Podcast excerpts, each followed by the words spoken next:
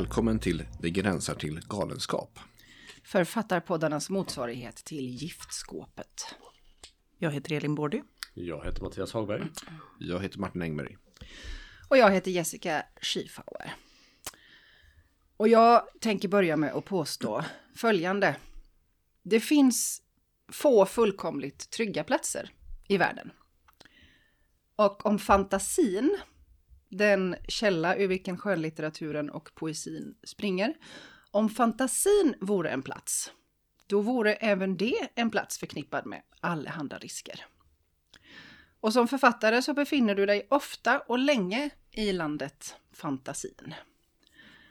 Det finns många romantiska föreställningar om att det är en härlig plats, en plats där du kan tala fritt och i skydd om saker som du tycker är viktiga. Å andra sidan så finns det ju otaliga författare som har blivit deprimerade, svårt psykiskt sjuka, missbrukare eller bara, om man kan säga så, socialt omöjliga. Det finns också oerhört många författare som har blivit stämda, åtalade, straffade, förföljda, hatade för sin litteratur. Kort sagt, det finns faror med att vara författare, vill jag påstå. Och detta tänkte jag att vi skulle prata om nu. Och då tänkte jag be er att börja lite i den personliga änden. Och då så vill jag påminna Mattias om någonting som han sa en gång, eller som du har sagt flera gånger och som intresserar mig. För du pratar ibland om den research som du just nu håller på med för ditt gigantiska romanprojekt. Och då säger du inte sällan när du pratar om den här researchen som du håller på med att den hotar att driva dig till vansinne. Det har jag hört dig säga flera gånger. Kan du berätta lite om det? Finns det en reell risk för att förlora fotfästet? Eh, ja, det får vi väl hoppas att jag överdriver lite grann kanske. Men, men det är väl klart att eh, man, eh, man investerar ju liksom allt man har ändå i att skriva på något sätt. Eh, man gör sitt allra yttersta om man anstränger sig på något sätt till sin liksom intellektuella bristningsgräns eller vad man ska säga. Och då finns det väl alltid en risk tänker jag att när man, när man liksom verkligen försöker göra någonting som man tycker är väldigt viktigt men som också bara handlar om på något sätt sin egen prestation kanske är fel ord, men att man själv ska åstadkomma någonting. Mm. Så finns det en liten fara i det, tänker jag på något sätt. Och kanske framförallt om den där eh, satsningen man gör inte leder fram till någonting. Då vet jag inte riktigt vad man ska göra av den där energin till slut. Då kanske man inte blir vansinnig, men... Lite småknasig. Lite småknasig. eller deprimerad eller missbrukare. Eller deprimerad. Eller, eller socialt omöjlig. Ja, precis. Mm. Um, ni andra då? Har ni någon gång känt att skrivandet liksom gör att ni balanserar på gränsen till vilka ni vill ni vill vara, hur ni vill leva era liv? Känns den, har det någon gång känts som att det här är inte värt det utifrån att ni känner att ni nästan inte kan hantera skrivandet? Nej. Men eh, inte sådär att utifrån själva skrivandet tycker jag inte riktigt att jag hamnat i något läge att säga, ja men nu är jag på väg att förlora mig eller sådär. Eh, det kan man ju ibland höra författare som säger att, ja men jag höll på med det här projektet alltså, då var jag väldigt långt ute i någonting i mitt huvud. Men eh, det är klart att frågan hela tiden finns om det var värt det. Eh, men då har det ju också att göra med den situation man befinner sig i när man skriver, att det är en ganska olönsam verksamhet till exempel och man måste lägga ner massa tid och man vet inte om det blir någonting och eh, helt enkelt eh, om det är bortkastat, om det är någon mening med det man håller på med överhuvudtaget och så vidare. Skulle man kanske inte ha utbildat sig till kock istället kanske, eller någonting annat. Och där är, kommer du in på faran eh, rent konkret hur man ska kunna, hur man ska kunna försörja sig eller eh, leva sitt liv och eh, ja, bli bankrutt. Exakt. Eh, kommer, det, kommer det hålla rent liksom vardagligt? Ja, Ta och sen, det här som yrke? Ja, men precis. Och sen efter ett tag så börjar man inse så här, men, eh, att man är ganska oanställbar inom de flesta områden som inte har med litteratur att göra. Liksom. Eh, för då har man ägnat så mycket tid åt det. men det känns, inte som att, det känns inte som att du upplever att det gränsar till galenskap för dig. Det känns som att det är Du är ändå på... fullt normalt. Ja. Fullt normalt, fullt normalt. Jag vet inte vad du har hört. Och du då Elin? Ja, alltså det gränsar ju till galenskap. Fast jag skulle inte säga att, att jag har liksom känt suget från eh, Avgrunden. avgrunden. eh, men, jag, men jag kan ju liksom, så det är ju mer, det är ju mer en, eh, Ehm, vad ska man säga, det är ju inte en så allvarlig galenskap.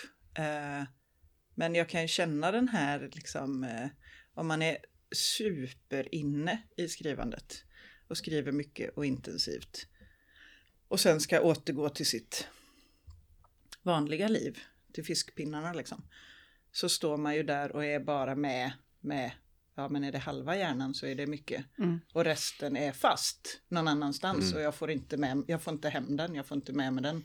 För den, är, den håller fortfarande på med det här som jag har drunknat i. Och det är kanske lite mycket sagt att kalla det för galenskap, men det är ju en typ av... Det är någonting åt det hållet. Jag tycker det påminner om missbruk mer än galenskap. Alltså att det är någonting som man inte kan låta bli och fortsätta med. Men man inser ju på något sätt själv också att det är inte speciellt förnuftigt liksom. Eh, Det hade ju varit mycket bättre att just uh, vara kock istället. Och ha ett riktigt jobb och Då hade tjäna man lite kunnat pengar. äta bättre mat än fiskpinnar också. Men ja, Och sådär. Men att det här, men man kan inte låta bli och sitta där för sig själv och få hålla på liksom. Och man måste tillbaka till det och hålla på med det på olika sätt. Alltså, det, nu, nu, nu känner jag att nu, nu försöker ni göra det här farligare än vad det är. Jag, jag tänker nog så här, är det inte så att liksom, det är ganska naturligt att ägna sig åt sin fantasi och liksom föreställa sig saker och ting. Det är väl en ganska vanlig mänsklig egenskap som de flesta har som vi ägnar oss åt när vi drömmer och så här.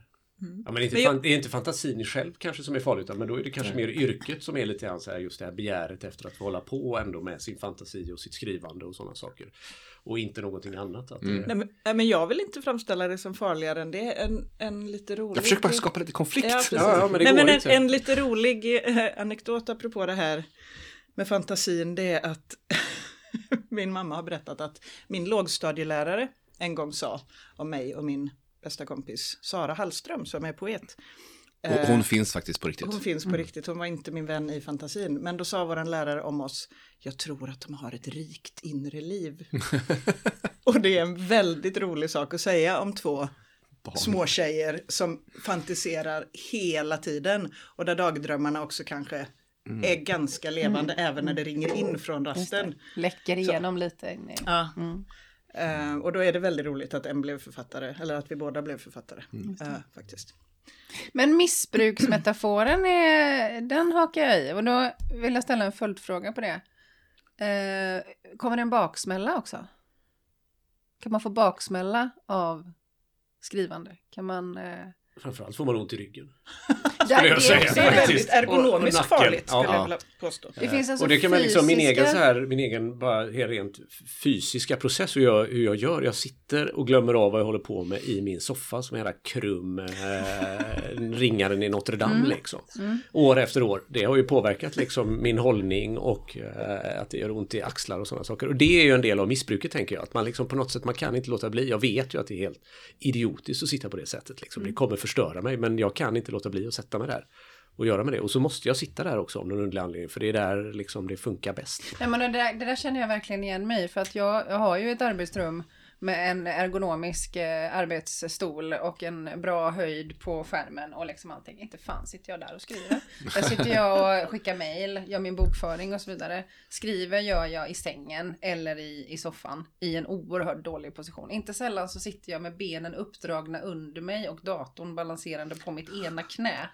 Och det är nästan som att det finns en viss tjusning i att när som helst kan jag tappa datorn och då går den sönder och då är allting borta. Så jag skriver med, med risk för att förlora allt liksom. Ja. Jag känner inte att det är galenskap ska man ju kanske inte skoja om helt och hållet så. Men jag, jag, jag kan ibland hitta mig själv i de situationerna och tänka jag är inte, det här är inte riktigt som sig bör. Liksom. Inte för att det är någonting jag lider av. Sen behöver kanske inte galenskap eller balansera på gränsen vara någonting som man behöver uppleva att man lider av. Liksom. Så. Det kan ju lite höra ihop med att man är så inskolad i föreställningen om att man ska vara produktiv liksom och göra någonting vettigt vettigt och att man ska veta att det leder fram till någonting som har någon nytta och sådär liksom. Och det vet man ju aldrig när man håller på såklart. Ja, men det är ju Det- en form av det- baksmälla att man då vill ge sig in i fantasin, fantasin eller liksom föreställningsvärlden men att det inte kommer någonting förstås. Det, är- det är någon motsvarighet till, till bak, bakfylla eller bakslam tycker jag. Men är det bara jag som upplever att det finns en väldigt tydlig baksmälla? Du menar får du konkret i vardagen, alltså med, efter du har suttit och skrivit mycket eller, Ja. eller något sånt där att du blir... Ja men lite åt det hållet. Kan Man kan- man blir blir väldigt utpumpad liksom. Om man har ju- haft en, en, en skrivsession där man liksom fått ur sig ganska mycket, då kan man ju vara rätt utkörd. Vad förstås. händer med er när ni i det läget då? Hur beter ni er? Vad säger er omgivning? är det någon det som kan vara säger... ganska svårt att motivera att man säger jag har suttit och pysslat med det jag tycker det är roligast i hela världen och liksom vikt, jättesuperviktigt och, och, och, och sådär i fyra timmar och nu är jag så trött så jag inte orkar göra någonting annat. Det, det är ju, för man blir ju väldigt trött av det liksom, men det är ju väldigt svårt att förstå eh, såklart och det är ju svårt att motivera på något sätt också. Men en bakfylla vet jag inte riktigt, det är inte så Ja, att det är mer liksom... en fysisk trötthet kan, Ja. kan, som, är, som känns eh, omotiverad med tanke på att man har suttit still. Ja, men det är ju på något sätt tror jag för att hjärnan verkligen går på sånt högvarv på något sätt. ja. Men hur blir du då Jessica? Vad är det som händer när du är, får skriva bakfylla? Ja men det, det finns ju en anledning till att, till att det är just jag som håller i avsnittet. Är det farligt att bli författare? Och jag inser att jag kanske är den som mest tänker i de banorna. Eh, ja, men jag, kan upp, jag kan uppleva att jag får... Hur ska man säga? Jag kan uppleva att jag får lite svårt att förhålla mig till världen utanför mitt huvud när jag har skrivit intensivt. Eh, och jag kan uppleva att, som igår till exempel, så hade jag en väldigt bra skrivdag. Och jag tyckte att det tog mig två, tre timmar att växla över till en vanlig umgängeskväll där man lagar middag och liksom kollar på tv och så här. Alltså jag, det är som att det blir en form av bubbla som kan ta längre tid än vad jag vill och spräcka hål på liksom. Och det kallar jag för baksmälla. Det Ja, känns... Men det kan man känna, det är svårt att växla läge sådär liksom. Att man bara, det var lite grann som Elin var inne på, tycker jag också att jag känner igen. Man är kvar i det där med Ja. en del av sig. Det, Ja. kan, jag- det kan jag nog känna igen. Men Det där kommer innan för mig skulle jag säga. Det skulle nog folk i min omgivning säga också. Alltså att jag, sen när jag är på väg in och verkligen liksom nu är jag på gång och ska skriva någonting och, och ha en skrivperiod eller något sånt där. Då går jag verkligen in i min egen lilla, lilla värld liksom. Eller vad man ska säga. Och blir lite kanske svårkontaktbar. Är det någon som har märkt av att, att författarskapet innebär eh, att man får väldigt, väldigt blodcir- dålig blodcirkulation i händerna? är det därför? Mm, ja, kanske. När du säger det. Ja, det, ju äldre jag har blivit så inser jag att eh, det faktum att, att man sitter med händerna liksom lite upp hela tiden så här. Nu visar jag här på, på bordet. Mm. Eh, man har inte händerna hängande ner för sidorna utan man sitter väldigt mycket. Som man gör annars när man I andra jobb. Eh, att man, att, eh, nej men jag har märkt att jag har får, kan få, mina, jag vaknar väldigt ofta av att mina händer är så bortdomnade att jag eh, överhuvudtaget inte kan röra dem liksom. Och måste liksom lyfta ena armen med den andra. Jag är helt säker på att det är en, fysisk svit av, av eh, mitt yrke. Ja men allt detta stillasittande är ju inte nyttigt. Nej, det, är men det, ju det, det, det är sant. Det är, det är en, en, en hälsofara. Om än någonting som man kanske skulle kunna motverka genom att gå upp och jogga en kvart emellan sina timmar vid datorn. Gör ni det? Gör ni ergonomiska övningar var 40 minut som det står i Ja. Det gör Nej. du? Nej. Nej. Nej, aldrig gjort. Nej. Men det, vi fick faktiskt ett träningsprogram utformat du och jag på Friskisgymmet. Sant. Där vi sa vi sitter väldigt mycket ner vid datorn Mm. och jobbar. Så då var det mycket rygg och axlar. Och det Huvud, var ju axlar, jättebra. Men sen ska man göra de övningarna också. Mm. Mm. Det är ju det.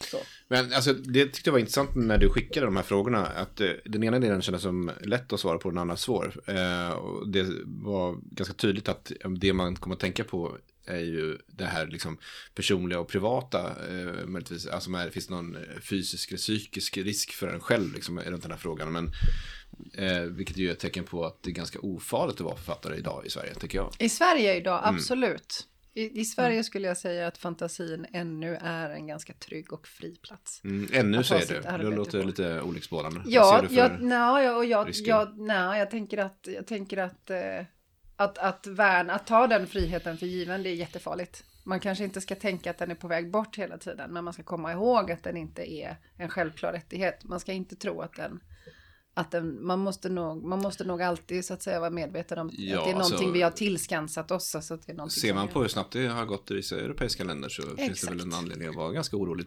eh, mot att till exempel Sverigedemokraterna skulle bli Sveriges största parti. För det första som ryker är ju genusvetarna och eh, kulturarbetarna tänker jag. Eller? Och där kommer man in på frågan Biblioteken. Och och biblioteken. biblioteken och folkhögskolorna. Men den har ju också, det är redan liksom har hänt rätt mycket tänker jag. Mm. Så här om man tänker eh, som från mitt liv som eh, kulturjournalist, eller man ska säga, som jag började med för drygt 20 år sedan. Då en del var jätteintresserade av tryckfrihet och yttrandefrihet och liksom vad man får skriva i tidningen och sådär. Och det var mer liksom ett lite perifert intresse som en del hade. Det var liksom, ja, det är ju viktigt och intressant liksom, men ingenting som kändes direkt akut på något sätt. Och sen tio år senare, alltså början på, alltså för ungefär tio år sedan, då började det verkligen bli sådär att det ändå fanns en känsla av att men det här är frågor som liksom är mitt i samtiden och som brinner på något sätt. För att det började bli rätt mycket hat och hot och, och, och liksom vissa frågor som var rätt obehagliga att skriva om. Som aldrig hade varit liksom problematiskt att skriva om. Och helt plötsligt fick man börja förhålla sig till att man faktiskt fick liksom reella hotelse mot sig och sådär. Så att där började och jag tänker att det är någonting som är liksom på gång. Det blir mer och mer utav det och det kommer ju såklart komma till, till eh, liksom resten av kulturen också efterhand. Men att det kanske än så länge främst är i, i när det gäller vissa debattämnen eller vad man ska säga, liksom feminism, Sverigedemokraterna och sånt där. Då, då bränner det till och då finns det folk som liksom verkligen vill få tyst på en, men inte genom att liksom göra något kanske fysiskt eller något sånt där, men i alla fall liksom hålla på och tjata med en eller bråka med en eller hänga ut en och sådär.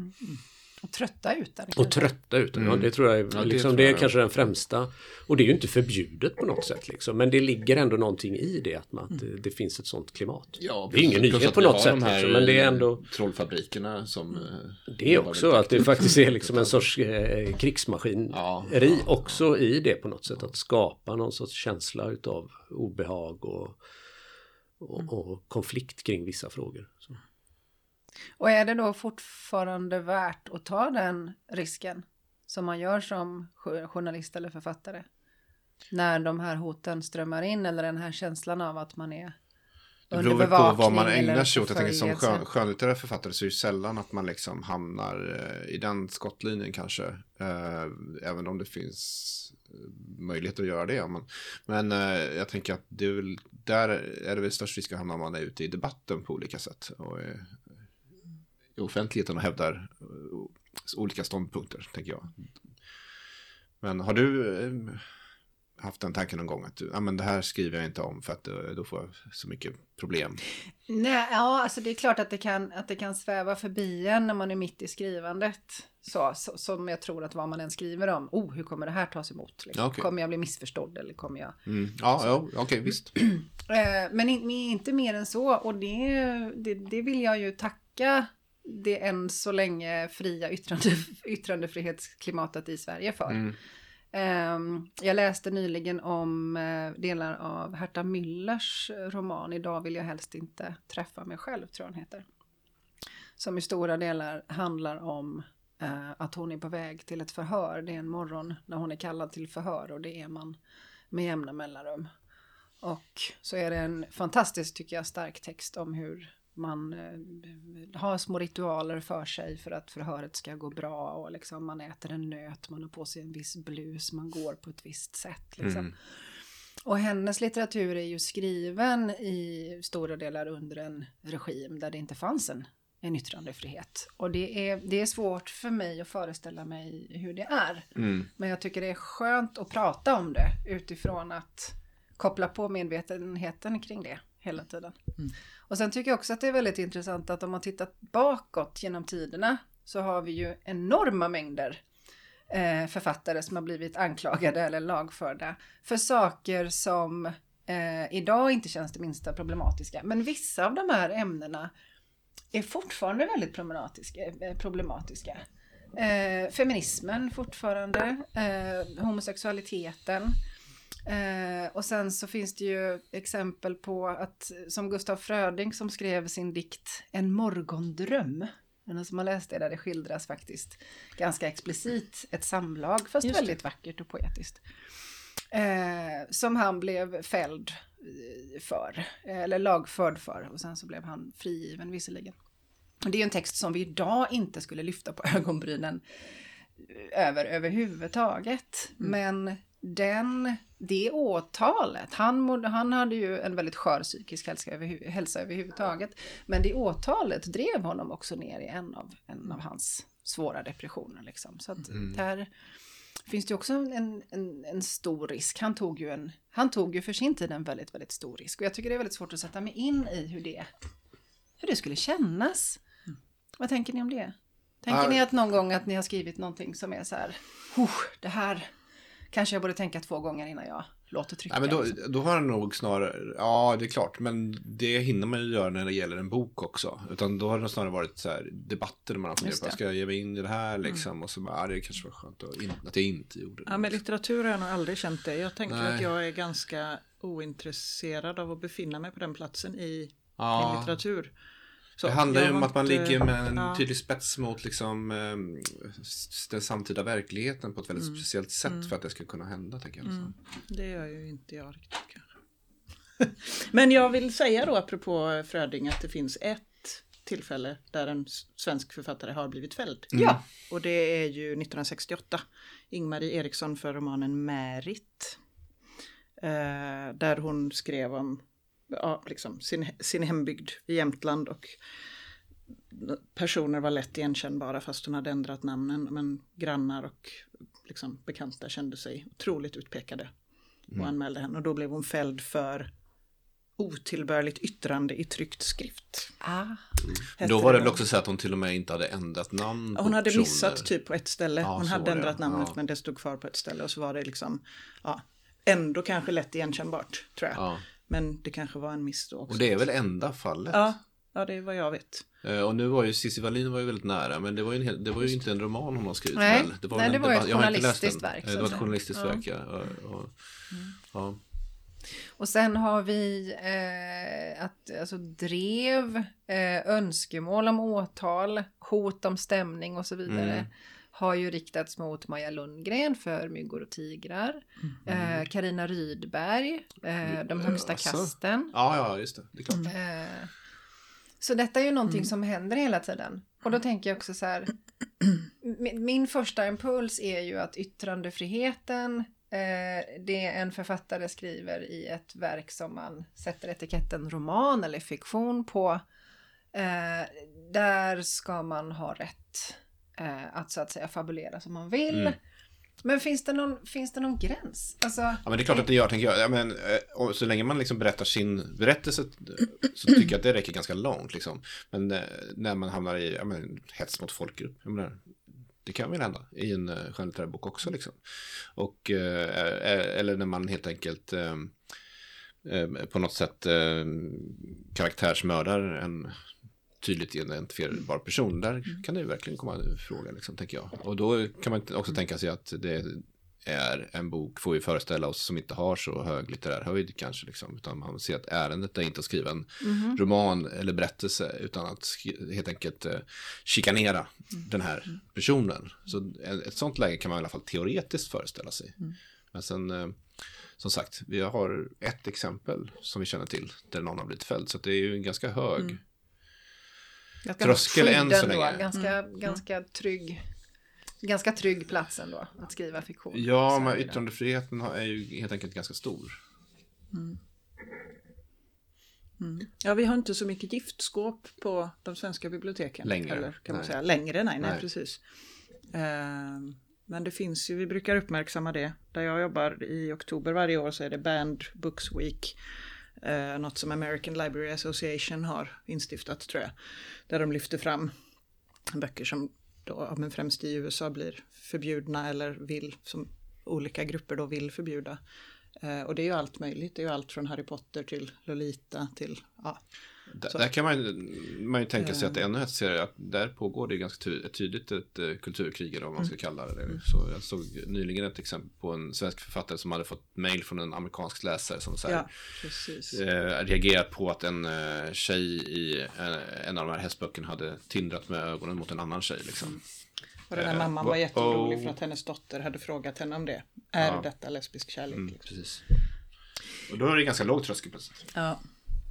Vad, det kanske är en ledande fråga, men vad, vad, vad, har ni för, eh, vad har ni för tankar kring det? Har jag börjat märka mer och mer, dels på mina egna skriva skolelever eh, och dels eh, i, eh, eh man tittar på liksom litteraturlistor och så för, ja men främst amerikanska universitet, men även eh, ibland eh, i europeiska universitet. Det här som kallas för trigger warnings. Ehm, att man eh, kräver, studenter och föräldrar kräver i högre och högre utsträckning att verk där det förekommer scener eller situationer som på något vis skulle kunna göra någon illa berörd eller skapa tankar som den inte har haft förut. Att det måste finnas en trigger warning och att du som student ska kunna välja om du då vill läsa det här verket eller inte. Eh, Frågan är väl hur utbrett är det där verkligen i Sverige? Eller är det liksom snarare så att det här är en utbredd myt att det är så på I? USA tror jag tyvärr inte att det är en Nej, myt. ut- utan eh, jag tänkte i alla fall utifrån svenskt Alltså jag, jag tycker inte att det där är så himla enkelt. För det är väldigt lätt att framställa det som att det är jättekonstigt. Mm, det är detta jag vill åt. Ja. Eh, men jag kan tänka på det utifrån till exempel läsning tillsammans med ungdomar. Mm. Eh, alltså jag jobbar ju som ungdomsbibliotekarie, har ju bokklubbar och väljer böcker som vi läser tillsammans. Och då händer det ju att böcker innehåller scener som jag kanske inte har reagerat på som vuxen, men som en som är 14 tycker är fruktansvärt obehaglig. Eh, och, och jag vill inte säga att oh, jag skulle ha varnat innan, för jag tänker ju oftast att det är det som är en av poängerna med att ha en bokklubb. Att man läser det och sen kan man prata om det förhoppningsvis kan man prata om vad det var som var obehagligt exakt. och hur man upplevde det. Men i vissa fall är det kanske så att man inte skulle vilja utsätta någon för en viss läsning. Eh, och jag har ju böcker som jag har börjat läsa och inte fortsatt i. För att det har varit scener som jag helt enkelt inte, jag kommer inte förbi det här, Nej. det här kan jag inte läsa. Nej. Då får jag välja att hoppa 50 sidor. Men vill jag det, ja, det har, då har det inte blivit att jag har läst boken. Hade jag velat att det stod en varning i början? Mm. Jag vet inte, jag läste mig fram till det och sen kan jag göra ett val om jag vill läsa det eller inte. Hade jag kunnat föreställa mig en situation där jag hade upplevelser som, som var så triggande för mig att jag hade velat bli varnad? Ja, det skulle jag nog. Eh, sen tror jag att det är lite en missuppfattning att liksom, ja men vi ska inte läsa Lolita eller vi ska inte, alltså så här, jag, jag, jag föreställer mig att det är lätt överdrivet men, men jag kan också tänka mig situationer där det inte är helt orimligt eller helt långsökt. Men det beror ju också på hur man pratar om det. Så Exakt. jag tror inte att det är så enkelt som att man stämplar trigger warning rape eh, i boken och då läser man den inte utan det kanske mer handlar om ett samtal innan läsningen om att ja, men det här kan innehålla detta och detta och då kanske det går att välja. Ja, jag, jag, vet, jag vet inte. Alltså i en det- sån här diskussionssituation så tänker jag, men då blir det ju kanske konstigt om man liksom inte relaterar till, till de här frågorna och pratar om andra saker liksom i läsning och sen bara låtsas som att det inte finns liksom. Så det där är väl ganska... Men jag tänker om man ska vara lite högtidlig så är det ju ett väldigt tydligt tecken på ändå hur stark här, litteraturen är på något sätt eftersom den mer än en film eller, eller teater eller någonting så här, invaderar våran, våran egen Ja. fantasi eftersom Ja. vi skapar bilderna själv då. Och att det kanske är, de här triggervarningen är en utslag faktiskt av vad litteraturen gör och kan göra och att just det här att den, det blir en del av våran egen tanke det är, det är någonting med det. Och det är ju också om man ska ta det här liksom med, med censur och sådana saker det är ju väldigt så påtagligt hur man i till exempel gamla Sovjet eller sådär var skiträdd för fantasin i sig. Att det var, det liksom, litteraturen fick bara handla om väldigt konkreta socialrealistiska saker. Liksom. Så fort den svävade iväg och började handla om saker som, som, var, som var helt påhittade, även om de egentligen inte var farliga för regimen, liksom, så blev de farliga. Just för att man på något sätt uppmanade eller gav folk den här, liksom, det här rummet inne i hjärnan för sig själv. Och det är ju något, det är uppenbarligen någonting väldigt starkt med det. Och det är kanske där också det kan bli farligt för oss själva eh, som vi började prata om. Att, att det här är liksom att att hålla på väldigt mycket med sin egen fantasi och det här egna rummet, det är ändå någonting lite, lite, man sätter saker på spel på något sätt. Men nu har vi på ett snyggt sätt också eh, hållit oss till frågan men vänt på den lite. För nu pratar vi också om, kan du riskera, alltså eh, utsätter du andra för faror som författare? Kan din litteratur göra skada liksom? Eller finns det, den faran är ju också intressant. Vad tänkte du säga Martin? Ja, men jag var lite kvar i den förra frågan. Jag bara började tänka på Eh, när jag läser för barnen eller bland annat, där finns det faktiskt böcker som jag undviker. Mm. Eh, jag vet att jag började läsa Robinson Crusoe för min son tror jag och sen bara, nej det går inte, det här är för rasistiskt liksom. Jag kan inte mm. sitta så här. Får jag hoppa över liksom, när det står en ordet på varje sida liksom. Mm. Det, det, det, mm. funkar inte och då måste man förklara sammanhanget och varför det här är problematiskt. Och vi har haft sådana diskussioner också liksom. Men, men, eh, men eh, det eh, där pajade det liksom läsningen faktiskt mm. så pass mycket. Och nu har jag suttit och läst ehm, eh, Häxan och lejonet av C.S. Lewis för min dotter och då är det så här, ja vissa saker som kan, då kan det stå så här typiskt flickor eller någonting ja, sånt. Och då kan jag så här typiskt Lucy. Mm. Alltså jag får nästan mm. ersätta vissa saker mm. för jag tycker att så här, det min dotter behöver inte liksom få det där Nej. präglat på sig så Nej. mycket. Så, eh, men jag har gjort... för, för då har man glömt bort också mm. så här att, ja just det, han, han håller ju på så här. Ja. Men jag har gjort samma sak när jag läst, äh, läst Harry Potter med min ah, okay. son. För att J.K. Rowling är otroligt fixerad vid tjocka människor. Och hur tjocka de är. Särskilt okay. de som är lite dumma i huvudet eller mm. lite onda ja. är tjocka och det ska upprepas och upprepas och upprepas. Och jag kände lite så här, nej men ja, det, jag gör inte detta, nej. jag sitter inte och läser detta. Vi har pratat om det. Vi har också pratat om det utifrån att vi läste en bok tillsammans och sen såg filmen och där är de ju också tjocka, framförallt liksom den här familjen som han bor hos. Mm. Eh, det. Så då har vi liksom kunnat prata om det här men jag har ändå censurerat när jag har läst för att jag bara säger nej men jag har faktiskt ingen lust att ge honom den här bilden. Så. Um. Jag har gjort exakt samma sak när jag läste original Peter Pan för min mm -hmm. son. Ja. För några år sedan. Eh, för att jag, jag, jag stod inte ut med, med, med karaktären som heter, hon heter inte Lena i originalet tror jag, det heter hon i filmen, men mm. eh, den här flickan eh, som är 12 år och som får följa med till Neverland och eh, hennes största önskan det är att få bli mamma åt alla de här stökiga pojkarna och tvätta deras eh, tvätta deras skjortor och laga mat och vyssa dem till söms och, och sådär. Och Peter beter sig ju som ett jävla rövhål. Han är ju en liten, en liten psykopat liksom. Och hon ska älska honom till hon ska liksom ge honom kärlek tills han läker. Nej, men det, det klarar men, alltså, när, när, vi pratar så här tänker man så här, ja, ähm, ja, är det fel av oss att göra så kanske då? Det kan är, det vara. Det, det, jag alltså, vet så här, är det censur? Det är ena tanken så här, eller ska man också tänka så här, ja men den här berättelsen har lite grann förlorat sin relevans mm. också. Alltså mm. efter ett tag när det mm. blir som med Skattkammaren, tycker jag det har, ja, men då kände jag, mm. nej men okej, okay, jag kan läsa det som en, liksom ett historisk, eh, en historisk roman, ett dokument liksom av, mm. av en viss, som en, en roman som har, som har bildat en hel genre och så vidare. Det mm. skulle kunna intressera mig som har hållit på och läst ett tag liksom, och för att ha det som referensverk. Men liksom att läsa det liksom som en, en eh, berättelse i sig för sin egen skull blir ja, det känns inte relevant liksom för att den är så far out. Men, men jag tänker att det liksom har skett någon sorts så här, liten glidning med det här ordet censur. Att det har mm, på något ja, sätt vuxit och börjat dra in en massa saker. Mm. För om man tittar liksom så här, vad är censur eller vad, vad tillåter yttrandefriheten, yttrandefrihetens gränser och sådana saker. Så är det ju egentligen liksom i stort sett ingenting som kan stoppas. Nej. Och allting kan egentligen bara stoppas i efterhand och sådana saker dessutom i Sverige då i alla fall. Eh, men att vi har börjat få en föreställning om att det är liksom lite censur redan när vi gör så som du gör när du läser mm. för dina barn. Ja, precis. Ja. Och det, det, är väl inte censur Nej. egentligen. Utan det, det, är ju bara att sätta in saker och ting i sammanhang. Eller att på något bok, sätt... Boken finns ju där. Det är boken finns där. Ja, men precis. Man måste få göra vad man vill med den. Liksom, sådär. Men att vi, vi har börjat tänka väldigt mycket kring mm. att varenda grej vi gör med en text eller med ett yttrande eller någonting sånt där. Det är mm. att stoppa den. Att mm. och det, jag vet inte, ibland, skulle... ibland känner man att det finns intressen också utav att, mm. av att man ska kunna få liksom just sätta den stämpeln mm.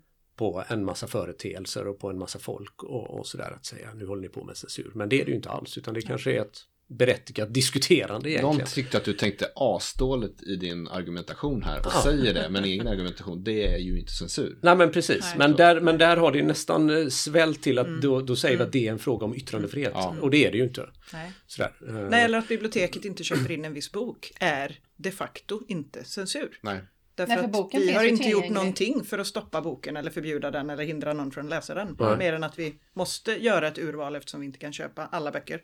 Eh, och sen har vi liksom krav på oss att belysa frågor ur olika perspektiv och olika sidor. Men vi kan inte köpa alla böcker. Men det är, är inte censur. Men det finns ju verkligen den dragningen som du säger Mattias. Att liksom, det ska försöka framställas som det. Och istället då sammanhang. täcker man över kanske en, en jätteintressant fråga som handlar om sådana saker som men vad bör man läsa, hur bör man läsa, vad bör man säga och sånt där som är mer en etisk moralisk fråga liksom. Som ju man kan hålla på och diskutera och behöver hålla på och diskutera mycket som helst men den dödar man ju lite grann på det här sättet istället. Är ni själva rädda för att bli utsatta för censur? Kan ni föreställa er hur det skulle kännas om ni skrev någonting som förbjöds eller om ni skrev någonting där vissa saker, ni blir tvingade att klippa bort vissa bitar för att det här kan, inte, det här kan vi inte publicera. Eller är det utanför? Man är nog så lyckligt lottad som man har väldigt svårt att föreställa sig det där, Ja. tänker jag. Men däremot vet jag ju att liksom från, från mer så här, alltså skriva i tidningar om eh, saker som är känsliga kanske eller något sånt där. Där har jag ju börjat dra mig för vissa ämnen och frågor och sånt där. För att man orkar inte det här, Ja, just det. Ja men det, här, det man drar igång liksom. Som man på något sätt måste förhålla sig till. Men det är ju samma, det är ju fortfarande inte censur då. Men det är, men det är ju kanske någon sorts trötthet då Det är ett snarare. utslag av den där uttröttningen som Mm. nog kanske är, är målet Ja. för eh, att eh, ligga på journalister på det viset som du beskrev. Mm. Få dem att göra precis så kanske. Ja. Samtidigt som jag kanske säger emot mig själv lite grann nu. För nu är man ju också i det här vad man bör säga. Alltså det där som, som man också måste kunna hålla på och diskutera väldigt mycket. Liksom. Nej men det där har jag också tänkt på när jag, när jag tänkte på det här avsnittet. Alltså, ehm, det finns ju många författare genom tiderna, nu pratar jag ganska generellt men annars blir det för långt tänker jag. Alltså, det finns ju många författare genom tiderna som, som har levt i regimer där det inte har funnits yttrandefrihet. Och där deras högsta önskan faktiskt har varit att bara få lov att fortsätta skriva. Och slutat skriva fritt eller slutat skriva eh, politiskt motstridigt. Och bara berättat historier som man har vetat skulle funka liksom och inte bli censurerade. Och de författarna har ju i sin tur fått ta emot oerhört mycket skit och kritik och blivit utfrysta ofta av andra författare. Och då undrar jag också så här, är det, är det en plikt om du kan berätta historier, om du är författare, är det en plikt att vara politisk? Alltså hur känner man inför dem som så att säga följer med strömmen när det blir, när det blir farligt, alltså när det, när det börjar bli riskfyllt att skriva om vissa saker. De som slutar göra det och börjar skriva om, om någonting annat. Hur skulle man själv göra i en sån situation? Alltså då, det känns ju som att det behövs, eh, behöver vara en specifik situation för att man ska kunna liksom förstå eh, frågan lite tydligare. Men jag, jag förstår ju hur du menar. Eh, men jag, spontant så tänker jag, jag skriver ju inte, av, alltså det är inte av politiska skäl som jag skriver liksom. Men det är klart att det skulle kunna uppstå situationer där det liksom, där man är tvungen att välja. Det går ju att föreställa sig. Jag tycker det skulle vara helt fruktansvärt att behöva bli utsatt för det, att man är tvungen att liksom ta bort delar av det man skrivit. Inte för att det är dåligt skrivet, eh, utan för att ja, men du får inte säga det här. Nej, det- det är det, precis. Men har inte du varit med om lite det när pojkarna har blivit översatt till olika språk? Jo, nej, men det är ju ett bra exempel. Eh, för pojkarna tycker jag själv, jag, det här är inte någonting jag vill generellt sett, men ur en personlig ansvarskänsla så skulle det vara skönt om det fanns en undre åldersgräns ibland på böcker. För jag tycker inte att pojkarna ska läsas av 12-åringar. Jag tycker att det är problematiskt. Jag önskar att det ska finnas en någonstans runt 15 eller en, en det skulle vara skönt om det fanns liksom någon som kunde för varje ung människa bedöma är du mogen för detta? Ja, men det, det, jag tycker det är jätteknepigt, det är jättesvårt att prata om. Och det som du tänker på Elin, det måste ha varit när det fanns diskussioner med ett franskt förlag. Just. Um, huruvida den skulle komma ut i Frankrike eller, eller inte. Och först så skulle den det och sen så ändrade de sig helt enkelt för att det var för, för grovt på många sätt. Mhm. Eh, vilket jag liksom faktiskt kan förstå. Jag kan förstå det. Jag kan själv reagera på vissa av de skildringarna och rygga lite. Sen så tycker jag att de ska vara där. Ehm, men jag tycker inte att de måste vara där för att helheten ska bli läsbar. Så då hade vi en diskussion med det här franska förlaget om att faktiskt klippa bort några meningar, byta ut några ord. Alltså ta bort det som stack i ögonen så fruktansvärt mycket. Inte göra om historien eller liksom så. Eh, och det hjälpte så att säga heller inte. Och då kan- upplevde jag också att, att jag från flera håll nästan i den processen blev betraktad Alltså att, att, att, att jag borde inte ha varit okej med det. Alltså att jag som författare borde ha stridit för att varenda ord skulle översättas så som jag hade skrivit det. Vilket jag inte alls tycker är en nödvändighet. Liksom. Mm. Men ja, det här är ett jätteämne. Herregud, det här skulle vi kunna prata om i Men tre de, timmar. det har de ju pratat om med, med Astrid Lindgrens böcker där man har ersatt en ordet med andra ord eller tagit bort det. Mm. Och att, att man har resonerat som att ja, men hade hon funnits här idag så hade hon aldrig velat att ett ord som ger de associationerna idag skulle finnas med. Alltså, och det kan man ju ha olika åsikter om, men, men det gjordes ju även i översättningen eh, nu av eh, Natalia Ginsbergs familjelexikon. Där, där pappan, fantastisk, fantastisk person, eh, skriker och gapar åt sin familj och kallar dem för grobianer.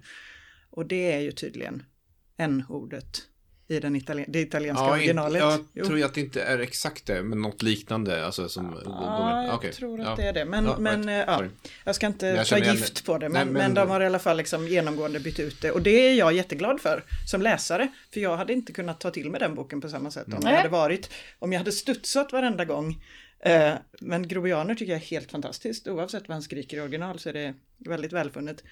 Eh, men, det är, men det är ju liksom, jag tycker att det är intressanta avvägningar som man kan göra. Eh, så. Jag tror att, att, nu var det Robinson Crusoe du pratade om, men jag tror att eh, Skattkammarön är det ju också lite olika hur man omnämner Mm. Silvers fru som är inom citationstecken en kvinna av färgad ras står det i min översättning till exempel. Men ja, det finns ju Mm. olika sätt att uttrycka det på. Eh, sen är det inte alltid det räddar en väldigt gammal bok.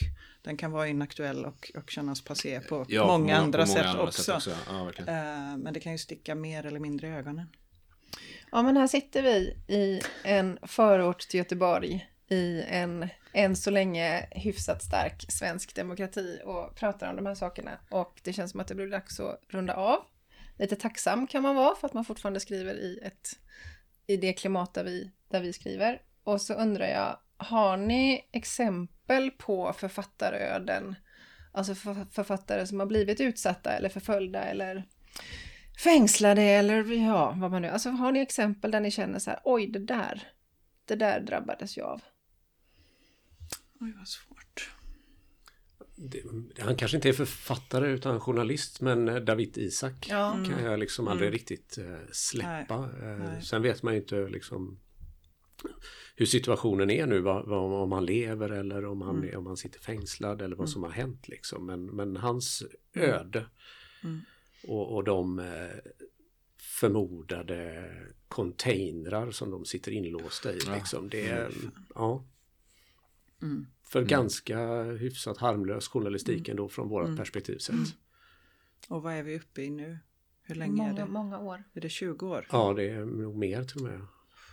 Ja, nej, men det, det, det håller jag helt med dig om. Var det inte på- på Bokmässan de hade en installation ett år där man fick sätta sig i? Ja men precis, man kunde gå in i en liknande- liksom de här cellerna som Ja. de har byggt utav containrar liksom. Som ju, som ju också står på sådana ställen då så att det blir fruktansvärt varmt på dagarna och otroligt kallt på nätterna. Och så där. Fler exempel? Svårt att komma på något specifikt, men jag har ju de, den senaste tiden förstås tänkt en hel del på hur det är att vara författare i Ryssland idag. Ja. Liksom. Mm. Så, så är det ju. Mm. Kommer ni ihåg 1989? Då var vi ganska små allihopa fortfarande. Jag kommer ihåg... Tala för dig själv. Ja, precis. Åh ja, det är De Elin som var är gamla yngst. redan då Jessica. De var gamla redan då. Men det, det hände ju väldigt mycket 1989. Men bland annat så utfärdade ayatollah Khomeini en fatwa mot Salman Rushdie Mm. för satansverserna. Eh, och jag minns, jag minns ju att det var en stor grej. Så här. Mina föräldrar var ju litteraturintresserade det här var på nyheterna. Och de, ja, oj oj oj, nu händer det här. Jag fattade ju inte liksom då vad det var frågan om. Men sen när jag var lite över 20 så läste jag satansverserna. Eh, och eftersom jag inte är jätteduktig på islam så kan jag inte säga huruvida det finns någon hädelse eller inte där i. Hur som helst så tycker jag att det är en helt fantastisk roman. Eh, och vi läste på lite om Salman Rushdie och det drabbade mig. Det faktum att han, alltså en, en fatwa om jag nu har fattat saken rätt, rätta mig gärna. är ju inte ett lagbeslut utan det är en religiös ledare som utfärdar en fatwa vilket innebär att egentligen vem som helst kan ta på sig att eh, döda eller fånga in eller liksom så straffa den här personen som har fatwan på sig. Innebärande att Rushdie fick gå under jorden, fick leva med livvakt dygnet runt under ett par år och gå i exil och har levt i exil sedan dess. Mm. Och 2012 så kom han ut med en, en memoar som heter Josef Anton tror jag, där han skriver om ja, de här första åren. Den skulle jag gärna vilja läsa, mm. eh, för jag tycker att det finns något spännande i det här med att Nej, men att det finns öden som folk går till mötes på grund av att de skriver skönlitteratur. Eh, där det är väldigt svårt för oss eh, mm. att föreställa oss eh, att överhuvudtaget hamna i den situationen. Men hörni, nu tänkte jag att vi skulle sluta med ett kanske lite gladare exempel. Eh, är det någon som vet vem Nelson Algren är? Ja. Känner igen det namnet? Ja, det låter vagt bekant ja. Mm. Eh, han skrev en roman som hette The Man with the Golden Arm 1949. Den fick National Book Award. Eh, men tidigt i sin författarkarriär så satt han faktiskt i fängelse i fem månader. Han var nämligen en oerhört passionerad författare. Så han såg sig nödgad innan han liksom hade slagit igenom eh, att stjäla en skrivmaskin. Så han hittade en, en, gick förbi en skola och där fanns det ett tomt klassrum och där stod det en skrivmaskin och den var han tvungen att ta. Och detta, eh, för detta så fick han då avtjäna fem månader i fängelse, vilket påverkade honom djupt eftersom han efter det, trots att han blev en firad författare och fick National Book Award, eh, kände att han sedan dess alltid associerades med de eh, lägre stående människorna i samhället de kriminella. Så slutord. Skäl inte en skrivmaskin, men fortsätt att tänka fritt. Right.